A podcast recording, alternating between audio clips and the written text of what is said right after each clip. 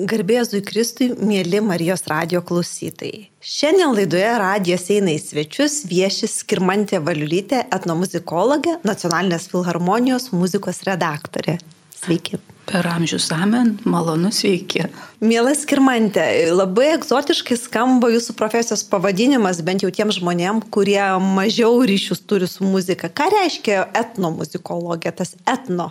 Aiškinant populiariai, etnomuzikologija tai yra sritis, kuri tyrinėja liaudės arba tautinę muziką, muzika, kuri yra neprofesionali ne tuo požiūriu, kad jį kyla iš, iš pačių žmonių kaip tradicinė muzika, o apriepia labai platų tyrimo lauką nuo, nuo konkretaus repertuaro, tarkim, liaudės dainų, grojamos muzikos ar šokių, iki tokio kontekstualaus lauko, kurį galima šiandien suprasti labai plačiai, pavyzdžiui, na, net ir bažnytiniai erdvėjai galima tyrinėti, kiek bažnyčia yra etniška, kiek yra specifinė, tarkim, Vilniaus regione arba Žemaitijoje. Sakyt, ar gyva ta etno muzika, ar jau labiau tyrinėja tokius reliktus, istorinį paveldą? Labai dažnas klausimas yra, ar dar tebe vyksta vadinamos etnomuzikologinės ekspedicijos ir dar, dar yra ką įrašinėti. Nes kam nors pasakau, kad kiekvieną vasarą stengiamės važiuoti į tokią ekspediciją, tai žmonės stebisi, o ką jūs ten dar, dar turit ką veikti. Nes visiems kažkaip taip, na, ne visiems, dažnam toks įspūdis, kad e, Lietuvos kaimai mirštantis, nykstantis, ta senovė kažkur tik muziejuose ir, ir etinė kultūra tarsi tokie pasidarė pasidarė festivalinė, labiau sceninė kultūra, nieko panašaus. Iš tiesų kiekvieną vasarą važiuojam ir kiekvieną vasarą randam ką užrašyti. Ir labai įdomu stebėti, kaip ta mūsų tradicija kinta. Žinoma, ji nėra ta, grinai, kaip mes įsivaizduojam, kokia XIX amžiaus tradicija, kokią matom rumšiškės. ji yra jau su šio laikinta, mačiutė, tarkim, sėdi visiškai šio laikiškam kambarį, bet dar mena. Mena savo jaunystės dainas, pasakas perimtas iš, iš mačiutės ar iš kaimo moterų. Ir, ir mes įrašom. Ir tai yra unikalu. Kitas dalykas, stebim, kaip ta tradicija tarpsta toj nūdienoj. Ji gali labai įdomiai transformuotis. Tarkim, likti tik kažkokios nuotrupos šnekamoji kalboje. Ir yra žmonių, kurie tik tai fiksuoja pagal tos mažyčius žodelius padaro, kaip sakyti, tyrinėja tos mažyčius žodelius ir po to padaro ganėtinai įdomias išvalgas ir išvadas apie mūsų kalbos kismą. Tai tikrai etninė tradicija niekur nedingsta ir manau ne, ne, nedings tol, kol mes kaip lietuviai suvoksim savo tapatybę ir savo šaknis. Tai skirmantė ne tik profesionaliai domintės etinę muziką, bet žinau, kad gėdat ir grigališkai choralą, bent jau Vilniaus arkikatedroje, tikrai sekmadienio vakaro mišiuose galima jūs su bendraminčiai, su kolegom turbūt pamatyti. Kas yra grigališkas choralas? Ar irgi tokia benykstanti muzikos rušis, ar gyvuojanti tarp mėgėjų, mylėtojų? Labai įdomus sugretinimas, įdomus ir, ir manyčiau, dėkingas, nes grigališkasis choralas, na, taip kaip ta etinė muzika, daugam kelia tokia asociacija, kad yra kažkokia seniena, kurios tarsi bažnytiniai kultūrai jau tarsi nėra ir ji neaktuali, nes šiandien daugam patraukliau atrodo bažnytinė muzika, kurią gali atlikti visa liaudis, visa bažnyčia ir išlovinimo giesmės.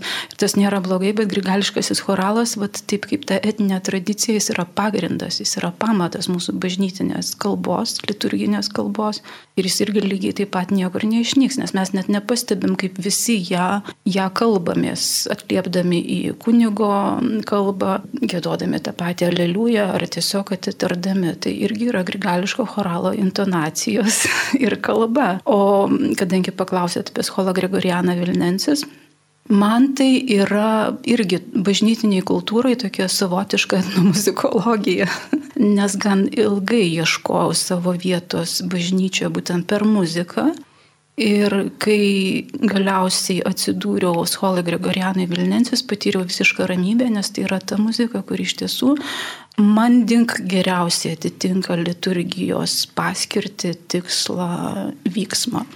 Gal trumpai galėtume dar priminti grigoliškojo choralo ištakas. Žinau, kad dalis skaitytojų turbūt klausytojų puikiai žino, bet kai kam turėtų būti gal ir, ir, ir nežinoma. Kada atsirado grigališkasis choralas ir ar jo ta tradicija buvo nutrūkusi, ar didesnė ar mažesnė apimtimi vis dar tęsiasi? Žinot, sąmoningai nenoriu apsimeluoti, nes galiu supainioti amžius, šaknis ir panašiai, todėl istoriškai nedėstysiu, bet galiu pasakyti, kad tai, ką mes šiandien turim Lietuvoje, kaip Schola Gregoriana Vilnensis, kaip gėdotojai, kurie gėda Šventos Onos bažnyčia, Biržų Grigalistai, Kauno grupė, Klaipėda yra grupė. Tai mūsų, tai tas repertuaras ir jo pobūdis, tai kaip mes atliekame, jis yra susijęs su Solem vienuolynu Prancūzijoje. Tame vienuolyne yra irgi gėdamas grigališkasis choralas ir, ir mes vadovaujamės tuo giesmynų Grudalė triplex kuriame yra ir senosios neumos žymėjimai, ir, ir vėlesni kvadratėliai. Ir, nu, nebrysim giliai, nes jau visas mokslas, kaip skaityti tą raštą.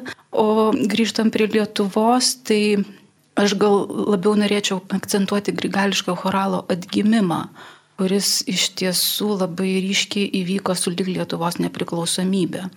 Ir kodėl? Nes, na, nepaslapti sovietmečių vis tik buvo daug suvaržymų, daug tokių slaptumo ir ta bažnyčia buvo tokia tarsi suspenduota savotiškai, o sulik nepriklausomybė žmonėse buvo toks nu, labai tie, kas tiki arba eina jau link tikėjimo, toks noras išsiveršti, kažką tokio padaryti, kas tikrai būtų nuo, nuo dušios. Ir, ir tokiu būdu vat, Vilniaus arkikatedroje ir įsikūrė pirmoji grupė, kuri gėdojo gališkai choralą kupinį entuzijazmą ir, ir iš tos grupės augo, augo ta tradicija tokia tikrai atgimimo ir tolesnių paieškų link. Sakykit, grigališkas choralas skirtingai nuo kitų mums įprastų gesmių nėra visiems prieinamas. Jeigu ateisim pirmą kartą į bažnyčią, pasiemę tekstą, turbūt nepagėdos eilinis tikintysis.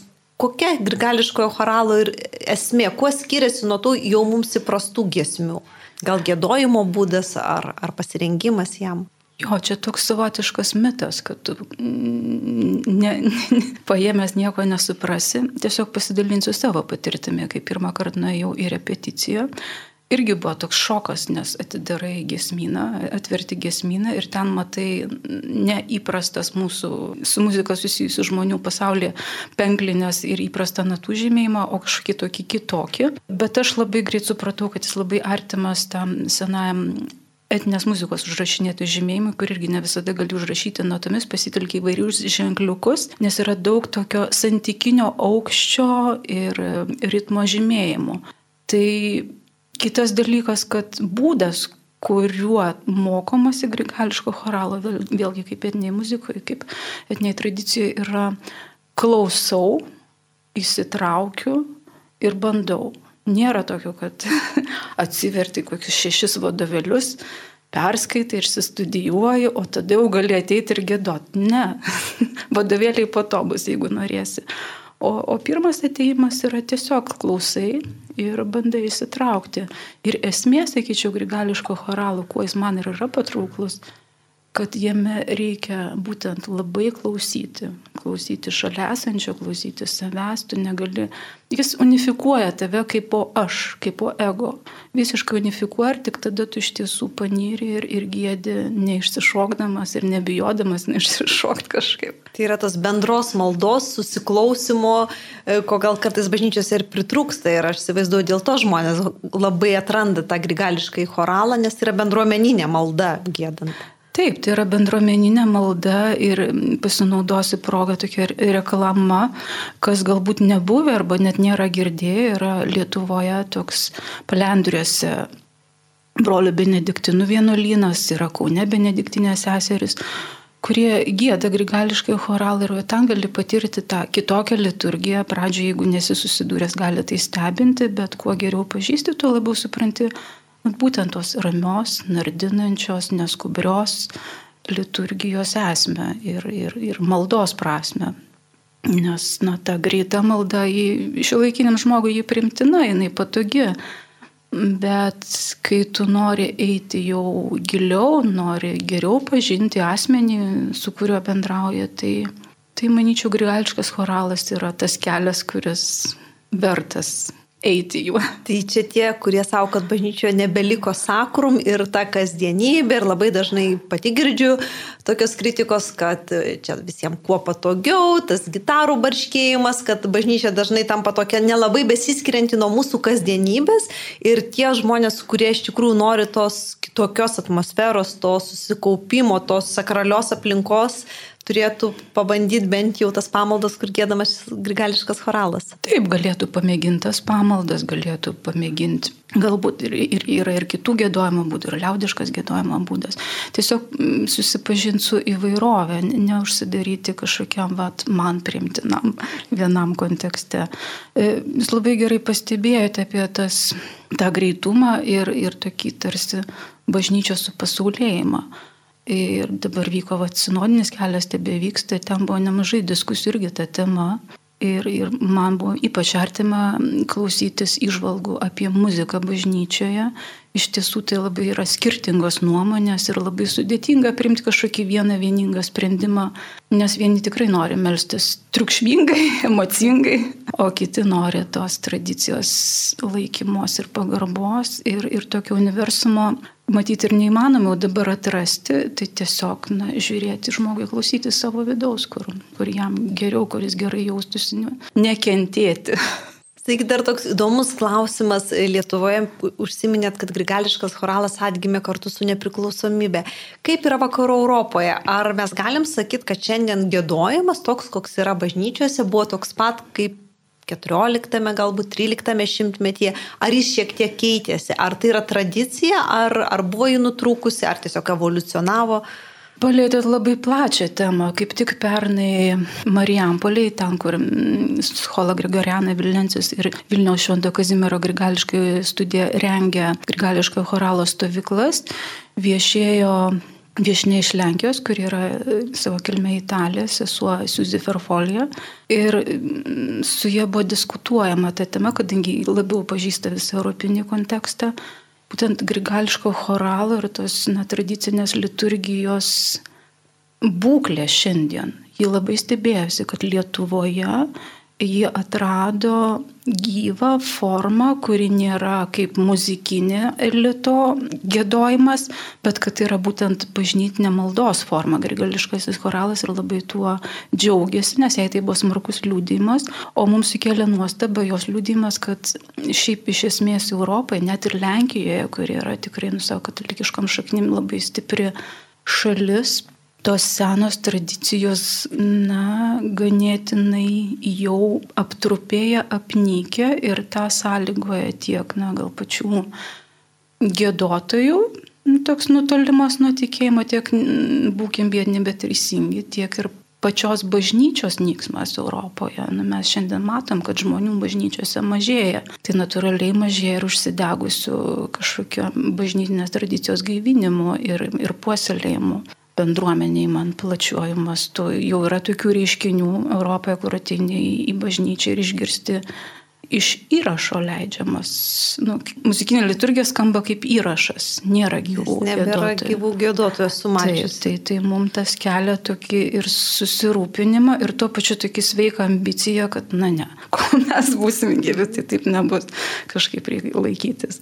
Galbūt ir yra atsakymas, ta tradicija naujai atgimusi, naujai, naujai žmogaus atrasta, jinai ir įkvepia.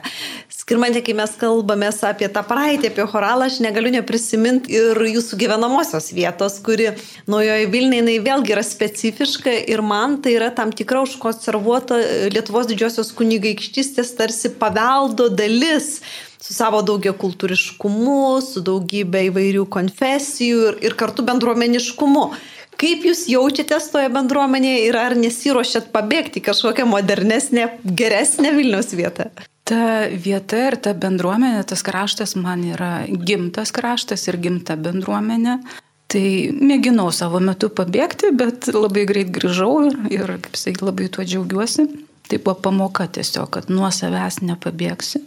Va, o, o būdama naujoje Vilniuje labai gerai jaučiuosi visuose savo pasirinktuose na, ampluarkeliuose ir kaip etnomuzikologija, ir kaip na, atsivertusi katalikė, ir kaip savo šeimos kažkokių tradicijų puoselėti ir galų galę kaip to rajono, kaip tos bendruomenės narė, nes tas multikultūriškumas, tas įvairia kalbiškumas manis kažkoks labai savas ir labai mielas. Nes vėlgi, kaip ir kalbėjom apie tą gėdojimą, tu turi klausytis kitų, tai va čia irgi yra labai gera proga net pasaulio bamba, bet, bet suvokta ir tą kitaip kalbančio žmogaus kitoniškumą ir vairių socialinių sluoksnių kitoniškumą, kas žino Naują Vilnių, tai puikiai supranta, kad tai yra na, labai įvairiai, socialiai įvairus rajonas. Ir galiausiai, kas man brangiausia tenai, tai yra gamta. Ir manyčiau, būtent dėl gamtos ir jos tokio savotiško reljefo ir landšafto, tas kraštas ir yra unikalus, netgi etnomuzikologiniu požiūriu. Kultūros labiausiai užsikonservuoja ten, kurios yra, na, tarsi mažiau prieinamos, kalbėkim nuo jos Vilnius mastų tokios tarsi apleistos, nes toks yra mitas, kad nuo Vilnių Vilniaus mastų yra toks apleistas rajonas, taip, toks kažkoks atokus. Ir aš to džiaugiuosi savotiškai, kad jis kabutėse apleistas, nes tai padėjo jam išlaikyti tą savitumą jis nėra unifikuotas, jis nėra trink, ištrinkelintas. Man turbūt pačiai irgi kaip, kaip to paties rajono atstovai, tai yra gražiausia, kad yra daugybė senų medžių, kaštonų, liepų, kiemuose, palei gatves ir, ir jie neiškirsti ir sėkmingai tas gatves arba tvarko, arba jų netvarko, bet ta žaluma, jinai yra brandi, jos yra daug ir mes kartais, kai gyvenam nuo Vilniuje, tarsi jos net ir nepastebim ir tik tai išvažiavę į centrą pamatom tą skirtumą. Labai gražiai pasakėt savo metu, kai mėginau pabėgti ir kelis metus gyvenau Vilniaus centre.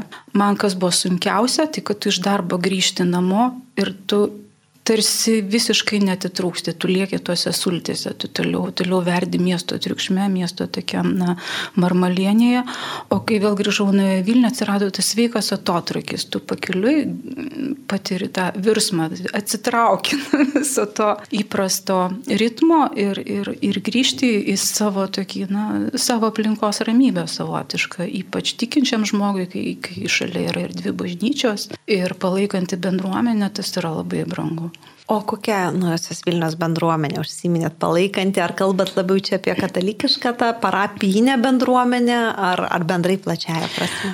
Labiau bevelčiau kalbėti plačiaja prasme, nes bažnytinė bendruomenė nebūtinai visada yra tokia Čia yra klišė, kad tai yra atjaučianti ir, ir tokia, na, iškart priimanti bendruomenė. Sakyčiau, ne. Man naujo Vilniui bendruomenė tai yra bendruomenė plačiaja prasme, kaimynai, pažįstami, sambuviai, e, tam tikrų kultūrinių įstaigų darbuotojai. Pavyzdžiui, man labai brangi yra Naujosios Vilnius muzikos mokykla, kultūros centras, biblioteka darželiai, nes pažįsti tos žmonės, kurie ten N metų dirba, pažįsti kaimynus ir, ir ypač kaiminystė. Mieste aš mažiau girdžiu tokių liudijimų, Nauja Vilnių irgi miestas, bet toks tokesnis rajonas. Tai mieste, miesto centre arba ypač mėgamosiose rajonuose na, tarsi negirdžiu tokių atbalsių, kad kaimynas kaimynui galėtų palikti būto raktą. O po mūsų, mūsų rajone tai įprasta. Mėly Marijos radio klausytojai, eterija laida Radijas eina į svečius Ir aš, Regina Statkovinė, šiandien kalbinu etnomuzikologę Skirmantę Valiulytę. Ir kalbamės apie grigališką choralą, apie muziką ir apie bendruomeniškumą.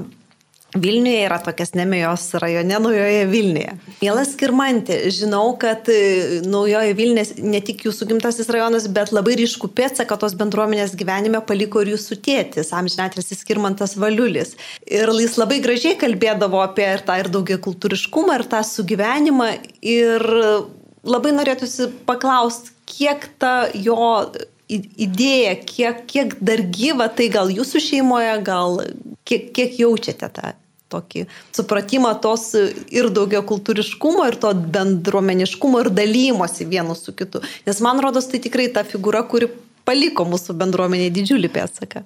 Ačiū, kad prisiminėt šviesos atminimo tėtį. Iš tikrųjų, būtent Naujoje Vilniuje labai dažnai tenka išgirsti tokių prisiminimų, tokių šviesių paliūdimų, šiltų, na, kažkokių paguodos žodžių, kad, na, tai žmogus, kurį visi atsimena kaip šviesulį.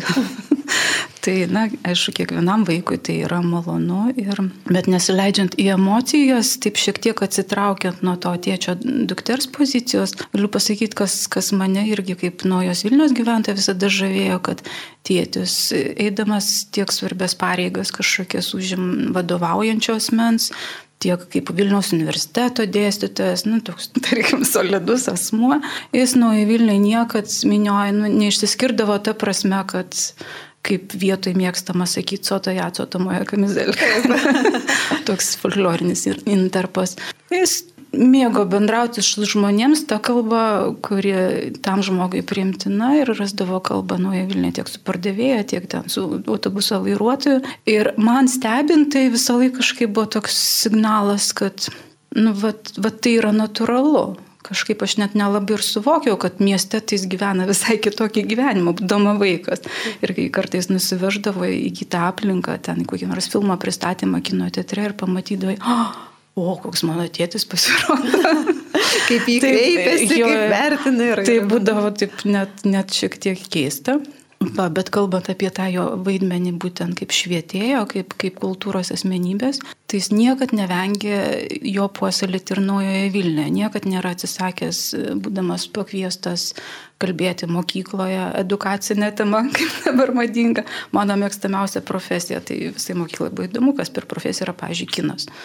Ir jis tą labai patraukliai pristatydavo. Taip pat dalyvavo ir muzikos mokyklos bendruomenės gyvenime, o svarbiausia dalyvavo Naujoje Vilniuje kažkada gražiai gyvavusio kino teatro veikloje ir gyvenime ir pristatydavo filmus, vesdavo tokias edukacinės irgi programas. Dar vienas aspektas, kas man irgi labai brangu ir ryšku, jis taip tarsi na, visai nesifišuodamas visą laiką domėjosi naujosios Vilnios istorija, jos praeitimi, jos kultūra kultūriniu kontekstu ir su savo kolega bičiuliu Stanislavu Žvirgždu dar irgi savotiškas ekspedicijas ėjo ankstesnių fotografų Bulhako ir kitų keliais, ieškodami Naujoje Vilniai anųjų fotografuotų vaizduoti tik mens dabartyje. Tai man tas irgi buvo, klausantis jų pokalbų, buvo labai gražu, nu toks tarsi stebi vyksmą to, to, to rajono visiškai, nu, nesigilindami kažkokias tų dienų politinės peripetijas ar kažką, bet ieško to, kas, kas amžina iš esmės, kas, kas yra esmė. Aš žinau, kad tėtis turėjo didžiulę biblioteką, iš kurios ir knygas skolindavosi ir moksleiviai, ir kai reikėdavo kažkokios knygos ir nebūdavo mokyklos bibliotekoje.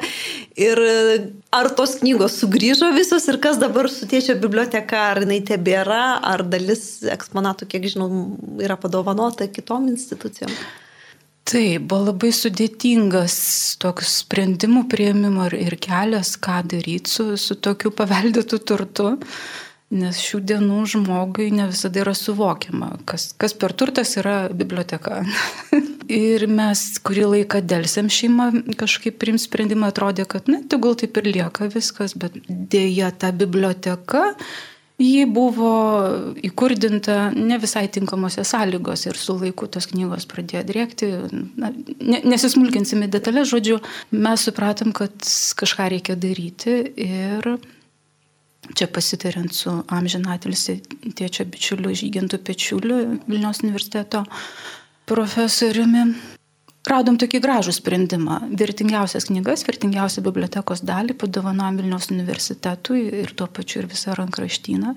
Ir kas džiugina, kad tokiu būdu tos knygos ir toliau tarnauja taip, kaip tėčiui patikdavo, kad tai nu, nėra mano asmeninė kažkokia biblioteka, kur aš tik dirbu, bet kaip jūs ir liudijot, buvo mielai dalyjamas ir studentams skolinama, ir moksleiviam, ir, ir tos knygos, na, jos keliavo kaip vertybė. Tai aplankiau jas kažkada Vilniaus universitete ir labai džiaugiausi tikrai skaitant skaitomos, tikrai domimasi, ypač tais retesniais kino pasaulio egzemplioriais, kur na, gal kitur bibliotekose nelabai rasiu atėtis, kadangi atsiverus sienom daug keliaudavo, tai iš kiekvienos kelionės aš daugiausia knygos keliaudavo namo ant galios. Mėly Marijos radio klausytojai, eterė laida, radijas eina į svečius ir mūsų viešne etnomuzikologė Skirmantė Paliulytė, o ją kalbinu aš, Regina Statkuvienė.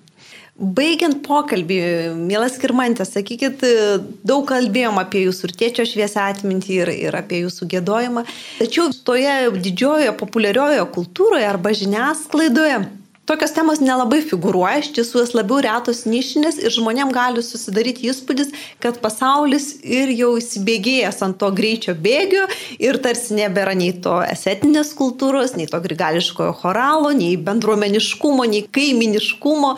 Ir mes visi gyvename tokiame greitame lėkime ir bėgime kaip vis dėlto yra realybė, kaip jūs ją matot, ypač ir, ir bendraudama, matyti ir su studentais, ir jaunesniais žmonėmis.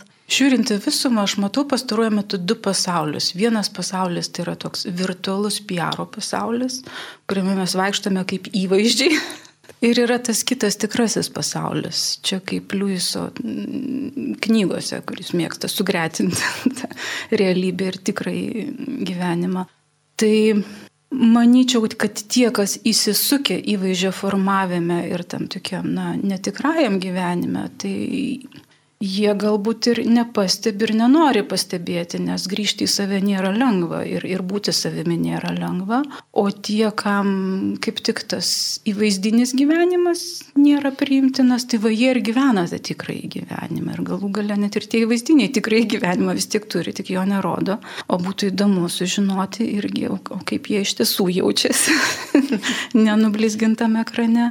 Tai būtent gyvenant mano atveju naujoje Vilniuje ir puoselėjant tas rytis, kurios man brangios, aš matau, kad na, na, tas, ta tikrovė ji, ji negali išnykti tiesiog, nes ji yra tokia sukurta kaip tikrovė ir ten, kur tie dalykai pamatiniai yra, na, na jie negali viršti įvaizdžių, jie tiesiog yra. Kodėl klausiu, nes stebėdama virtualų pasaulį, socialinius tinklus kartais matau, kad žmonės tikrai ir garbus, ir užimantis pareigas, ir, ir tarsi net pareigų įpareigojami kalbėti solidžiai, leidžia savo tokią retoriką, kur, nu, nu, Vilniuje mes nelabai savo leidžiam ir, ir apsivardžiuoti arba nužeminti kitą.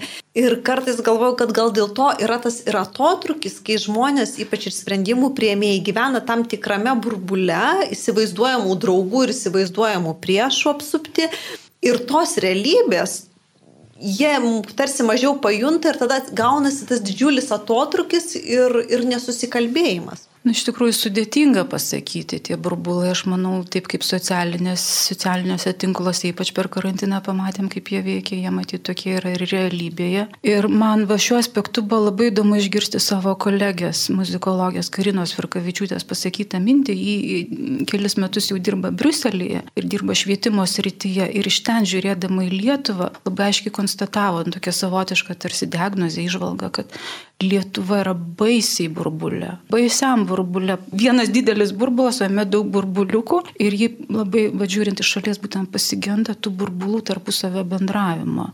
Tai jūs teisi, šiaip tikrai kiekvienam žmogui linkėtina bent nusistatyti, nežinau, kažkokį dieną, mėnesį išėjimą iš visų savo burbulų ir ieškoti kažko naujo, pasižiūrėti, o kaip, o kaip kitas kuo tas pasaulis kuo tas kvepuoja. pasaulis kvepuoja. Galbūt yra kažko, ko aš dar nepažįstu ir nežinau, net neįsivaizduoju, kad tai yra. Ir tai yra nebūtinai bloga, ar tai nebūtinai priešiška, nes kartais tie burbulai man jau pradeda panašėti į baigščių žmonių bendruomenės. Kokie jie ten bebūtų garsų žinomi ir taip toliau, bet tai juntama baimė ir tą patį kaip apie Naują Vilnią. O kaip jūs ten nebijot, kaip jūs ten gyvenat? Tai ne, mes ten turbūt nebijom ir gyvenam gerokai saugiau negu kažkur kitur. O jo tokį įdomų kampą palėtėt, aš prisiminiau ir tėčio liūdimą sovietmečių. Pavyzdžiui, Nauja Vilna buvo labai dėkingas burbulas, nes buvo galima pasislėpti nuo visų tų persekiotojų. ir, ir būtent gyventi savo gyvenimą. Tai, tai vat, tėčio profesinis rytytas buvo dėkingas, galėjo savo bibliotekai kaupti tokių leidinių, kur na, kitur būtų tiesiog nukentėtų ir profesiškai, ir, ir galbūt ir dar smarkiau. Va, tai o, o tai, kad Nauja Vilna tokia apaugusi kažkokiais mitais, tai, tai čia galbūt mitologo būtų. sferą patirinėti, kodėl taip yra. O tiem žmonėm, kurie gyvena šiandien, aš tiesiog linkėčiau atvažiuoti tą rajoną, pasivaikščioti, pasižiūrėti, nebijoti ir, ir suprasti, kas yra tikroji naujoji Vilna. Mielas Kirmantė, gražiai pasakot apie naują Vilnę. Sakykit, žinau, kad gyvenot užsienyje ir ar nesuviliojo tą perspektyvą pasilikti ir, ir tame negrįžti į tą burbulo burbulą, bet vis dėlto grįžote į Lietuvą? Gyvenau labai neilgai, pusę metų, tai buvo studijų laikotarpis, studijavau Švedijoje, Švedijos kultūrą. Ir pradžioje viskas atrodė patrauklu, ypač kadangi tai nu, vos atgaus nepriklausomybę, viskas nauja, viskas taip modernu, taip pažangu. Bet po kurio laiko baigėsi vat, studijų laikotarpis ir jau tarsi reikia išvažiuoti namo ir tokias mintis grįžti, negrįžti, bet stiga tokia mintis, bet aš, aš, aš tai čia esu niekas. Na niekas, tai yra švedų žemė, nu arba tose žemėse gyvenančių kitų etninių tautų žemė, aš čia esu niekas, man čia, aš staiga apsidairiau, man čia manęs čia nėra. Ir, ir nu, pasirinkau grįžti ir grįžti iš esmės. Ir labai dėl to džiaugiuosi, nes buvo toks sveikas dušas suvokti save eilinį kartą. Nes tas tariamas gerbuvis, kuriuo siekia daugelis žmonių, nepaslaptis, mes siekiam kažkokio ekonominio gerbuvio, galbūt kas karjeros siekia, bet jeigu tu širdį nerandi atsakymą, kad tai yra tavo, nu, tada neverta. Labai dažnai klausiu, ypač jaunų žmonių, kurie sako, gyvenu užsienyje, turiu viską ir man labai gerai. E, užduodu tokį klausimą, ar esi buvęs svečiuose pas tuos žmonės, tarkim, Švedijoje, tai pas švedus, Suomijoje pas suomius ar kitą, ar dažnai tave kviečia į svečius. Ir paprastai būna toks pauzė, žmonės sutrinka, sako, ne, mes bendraujam tarpusavėje. Tai matyt ir yra tas įsiliejimas arba tapimas savu tada, kai tu tampi tos bendruomenės dalimi. Ar čia labai Taip. aš jau hiperbolizuoju? Ne, ne, labai teisingai pastebėt, būtent šitas aspektas mane ir paveikė, nes studijų laikotarpį mes daugiausia bendram tarp studentų, arba aš ten dar turėjau, atradau giminaičių, tai su tais giminaičiais, o vietiniai švedai jūs teisi, dabar bandau atgaminti, turbūt niekarto nebuvau pas švedą, gryną švedą svečiuose. Tai nesakau, kad tai blogai, tiesiog gal taip sutapo, gal, gal pati per mažai iniciatyvos rodžiau, bet, bet būtent tas aspektas, kad tarsi tave svetingai sutinka, bet į savo bendruomenę galiausiai vis tiek na, neskuba įsileisti, tu ten ne, ne, neįaugi. Va, ir dabar tam kontekste galvo apie mūsų lietuvius, ar mes tu, tokie, aš manyčiau, kad šiaip iš esmės manyčiau, kad kiekvienam žmogui, jeigu jis jaučia save kaip na, vat, kaip konkrečioje žemėje gimusi ir kodėl gimusi ir jeigu gimusi čia, tai kokia to prasme, ieškanti atsakymų, galiausiai jis nu, vis tiek suvokia, kad tai nėra šiaip savo ir, ir save su kažkuo turi tapatinti ir jeigu tapatinti būtent su tuo savo gimtuoju kraštu, tai čia, čia ir esi laimingiausias, čia yra tavo bendruomenė. Bet būna įvairių žmonių, būna, kurie turi klajoklių kraujo, galbūt jiem tai įprasta. Tai tada jie renkasi tokį šiek tiek klajoklišką gyvenimą. Bet vis dėlto ieškodami tikrų dalykų, galų galia sugrįžtam prie savo ištakų tiek, tiek muzikoje, turbūt tiek kultūroje, tiek ir rinkdamiesi gyvenamąją vietą. Taip, manau, nu, bet esmė vis tiek, ne, mes kaip tikinti žmonės žinom, kad esmė mūsų širdyje mes gyvename, galim gerai jaustis ir vienur, ir kitur. Esmė, kad savo širdį mes būtumėm savo vietoje. Dėkuoju už pokalbį. Studijoje lankėsi Skirmantė Valiulytė, Nacionalinės filharmonijos muzikos redaktorė, taip pat etnomuzikologė ir grigališkojo choralo gėdotoja, taip reiktų sakyti. Taip, skamba gražiai. Paskutinis dar klausimas, Skirmantė, kol nepabėgot. Jeigu žmogus įklausė ir jam dabar kilo mintis, kad jis nori gėdoti, nori pabandyti tą grigališką į choralą, ar tai yra sudėtinga, kur jisai galėtų savo mieste tiesiog ateiti ir ir kreiptis, sakyt, noriu gėdot? Na, aš manyčiau, kaip šiais laikais populiaru įsivesti Google grigališkasis choralas ir panaršyti, o šiaip tiesiai nukreipiant, tai tikrai yra Klaipėdoje grupė, berots prie Marijos Tikos karalienės, bijau dabar pameluoti, Kaune yra grupė, yra biržuose gėdanti grupė, Na, o Vilniui kvieščiau, žinoma, į, savo kolektyvą, tame kolektyve, kuriame aš gėdu, galbūt išdrįsta ateiti pasiprašyti gėdoti, arba bent jau ateiti į mišes. Mes gėdame kiekvieną sekmadienį pusę septynių vakaro lotiniškose mišiose. Čia labai retais atvejais, jeigu būnam kažkur išvažiavę, tai mūsų nerasite. O šiaip tai yra tarnystė, nuolatinė tarnystė gėdoti mišiose. Ir gera žinot, kad Vilnius katedroje vyksta mišios lotynų kalba, tai irgi turbūt labai svarbu tiek mylintiem tą seną tradiciją ir tiek atvykstantiem į Vilnių iš tiesų krikščionim, kurie iš kitų šalių ir, ir galbūt nesupranta lietuviškai, tai yra gera proga vasarą atsivesti draugus, pažįstamus giminės. Ypač užsieniečiam, labai dažnai matom užsieniečius ir gėdančius užsieniečius. Ta prasme, vat, čia ir yra tos liturgijos stiprioji pusė, būtent ir latiniškos, ir grigališkojo choralo, kad tie, kas pažįsta, tai bet kuriam pasaulio krašte atsidūrė, galime šiuose pilnai dalyvauti, nes nu, tai yra ta pati kalba visur. Nu, čia dėkoju už pokalbį ir iki kitų susitikimų. Ačiū, sudė. Sudė.